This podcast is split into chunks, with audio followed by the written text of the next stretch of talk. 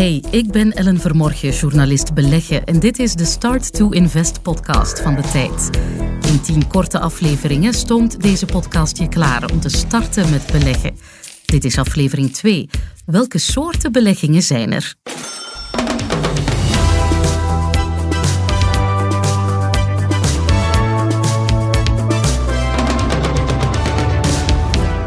Welkom terug. In de vorige aflevering heb ik je verteld wat beleggen precies is. Deze aflevering vertel ik je waarin je kan beleggen. Want wie beleggen zegt, denkt meestal spontaan aan aandelen, maar er is veel meer. We duiken samen in de wereld van obligaties, fondsen en trekkers.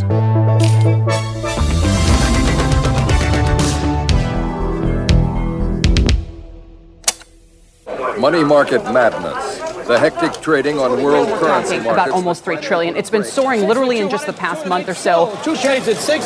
Houston sells two at six to down. Aandelen.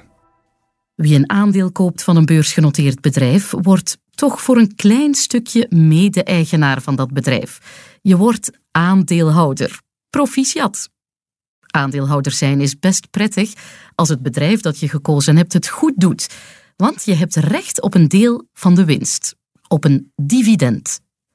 Winstgevende bedrijven maken er vaak een erezaak van om hun aandeelhouders jaarlijks tot zelfs elk kwartaal een kleine som uit te keren. Zelfs als de koers van je aandeel niet stijgt, haal je zo toch rendement uit je belegging. Maar de koers van je aandeel kan natuurlijk ook stijgen. Bij een stijging kan je het aandeel verkopen en zo een meerwaarde realiseren. Meer geld eruit halen dan je erin hebt gestopt en dus winst maken. Hoera! Maar aandeelhouder zijn heeft ook minder aangename, risicovolle kantjes. De koers van je aandeel kan ook dalen als het bedrijf het minder goed doet. En misschien maakt het bedrijf helemaal geen winst die het kan uitkeren als dividend. Daarom is het belangrijk om goed te begrijpen waarom een bedrijf beslist om naar de beurs te trekken en aandelen te verkopen. Mijn collega Serge Mampai van onze beleggerredactie legt ons dat even uit. De belangrijkste reden uh, om naar de beurs te gaan voor een bedrijf is eigenlijk kapitaal op te halen. Door nieuwe aandelen uit te geven krijgt een bedrijf de nodige centen binnen om zijn groeiplannen waar te maken. Dat kan bijvoorbeeld zijn om onderzoek te doen, een nieuwe fabriek te zetten of om geld in de kassa te krijgen om overnames te doen. Sommige beursgangen gebeuren echter ook om uh, andere aandeelhouders die er al in zitten de kans te geven te verkopen, dus om die aandeelhouders te laten uitstappen. Vaak zijn het dan ook investeringsfondsen die na een paar jaar echt geld willen incasseren, maar uit ervaring weten we dat dat vaak de minst interessante beursgangen zijn. Ja, die bedrijven hebben niet echt groeiplannen, het geld dient niet echt om ja, een nieuwe strategie op te zetten of om andere bedrijven over te nemen, dus iets minder interessant. En daarnaast levert een beursgang natuurlijk ook het nodige prestige op en de geloofwaardigheid bij uh, klanten, leveranciers en de banken, want je weet dat een beursgenoteerd bedrijf aan allerlei strikte regels moet voldoen. Het geeft dus ja, een, zekere mate van geloofwaardigheid. Ten slotte kan natuurlijk ook een bedrijf naar de beurs gaan om zijn werknemers te belonen met aandelen. Want de aandelen die de werknemers, het personeel krijgt, kan je dan heel makkelijk verkopen op de beurs. En het is dus ja, heel makkelijk dan om uh, werknemers aan je te binden. En zeker in dit klimaat, ja, het is echt moeilijk om goed geschoolde, kwalitatieve medewerkers te vinden, kan dat eigenlijk een troef zijn uh, voor een bedrijf om personeel aan te trekken.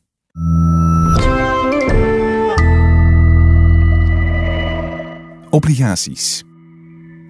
Obligaties kan je vergelijken met een lening die je afsluit bij de bank, bijvoorbeeld om een huis te kopen. Alleen ben jij in dit geval de bank. Jij bent de persoon die geld leent aan iemand. Zowel bedrijven als overheden kunnen obligaties uitgeven. Wanneer ze dat doen, beloven ze om een bepaalde som geld terug te betalen op een vastgelegde datum en ondertussen rente te betalen. Dat noemen we de coupon. Op het einde van de looptijd van de obligatie krijg je het uitgeleende bedrag terug. Ondertussen heb je mooi de rente op zak kunnen steken. Dat zijn de basics van obligaties. Een vaste rente, je krijgt je uitgeleende bedrag terug. Dat klinkt veel stabieler dan de koersen en dividenden bij aandelen, toch? Daarom zien veel mensen obligaties als een minder risicovolle belegging dan aandelen. Maar wacht even. Herinner je de vorige aflevering nog? Toen vertelde ik je over de essentie van beleggen. Je koopt een asset, daarvoor krijg je een vergoeding en daar hangt een risico aan vast. Daar gaan we nu iets aan toevoegen. Hoe lager het risico, hoe kleiner de vergoeding. Neem bijvoorbeeld Duitse staatsobligaties. De kans dat Duitsland je niet terugbetaalt is heel klein. Blijven Duitsers natuurlijk heerlijk betrouwbaar. Daarom betaalt Duitsland meestal ook maar een hele kleine coupon. Wanneer een jong bedrijf dat zich nog volledig moet bewijzen obligaties uitgeeft, zal het een veel hogere coupon moeten betalen om investeerders te lokken. Het risico dat zo'n jong bedrijf je niet kan terugbetalen is natuurlijk veel groter.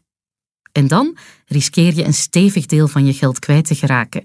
Maar dat is precies het soort risico verbonden aan een hoger rendement. Nog één belangrijk ding over obligaties. Beschouw het maar als obligaties voor gevorderden. Obligaties zijn verhandelbaar op de beurs en dat boven en beneden pari. Ik zie al naar de doos aspirine grijpen, maar dat is niet nodig. Obligaties kan je tijdens hun looptijd kopen of verkopen. Boven en beneden pari slaat op de prijs die je ervoor betaalt of krijgt. Stel dat je een staatsobligatie hebt van 100 euro met een rente, een coupon dus, van 3%. De obligatie heeft een looptijd van 7 jaar en we zitten in jaar 3. Plots daalt de rente. Nieuwe obligaties die nu uitgegeven worden, hebben nog maar een coupon van 1,5%. Dat betekent dat jouw obligatie met zijn coupon van 3% nu meer waard is voor investeerders. Je kan hem dus verkopen boven pari. Bijvoorbeeld aan een koers van 105 euro. De koper zal je meer betalen, gewoon omdat de coupon die hij of zij kan innen nog vier jaar lang veel hoger ligt dan bij nieuwe obligaties.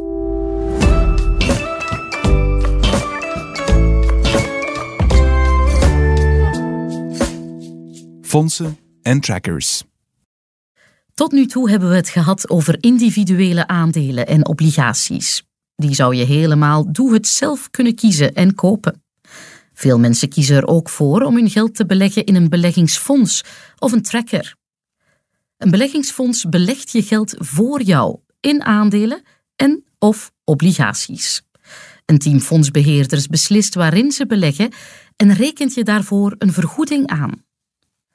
Een tracker doet hetzelfde, maar dan met veel minder mensen achter de knoppen.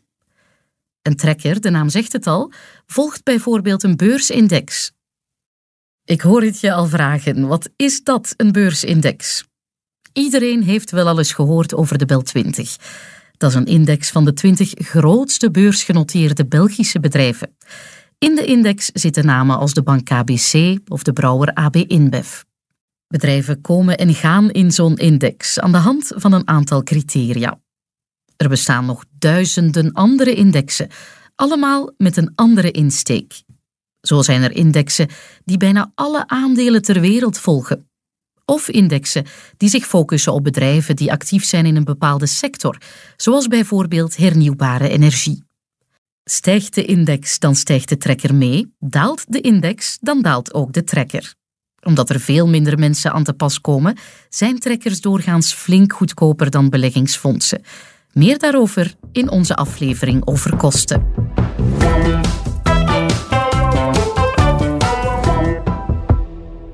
Je kent nu het verschil tussen een aandeel en een obligatie. Je weet zelfs wat een dividend en een coupon is.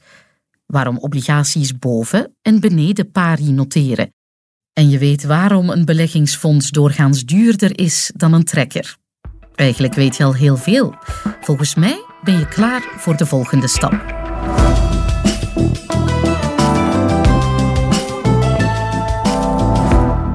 In de volgende aflevering van deze Start to Invest podcast van de tijd verruilen we de theorie voor de praktijk met de vraag: wat heb ik nodig om te starten met beleggen? We openen samen een beleggersrekening en wapenen ons met alles wat we nodig hebben om echt te starten met beleggen.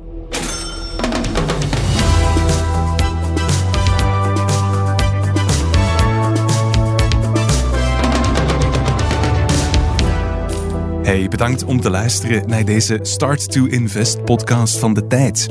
Fijn om je erbij te hebben. Abonneer je gerust op dit kanaal. Een rating geven, dat helpt ons ook erg vooruit. Luister ook eens naar onze andere podcasts. Ze zijn beschikbaar waar je je podcasts ook haalt. Check zeker ook eens de krant en tijd.be. Onmisbare informatiebronnen zijn dat voor iedere belegger.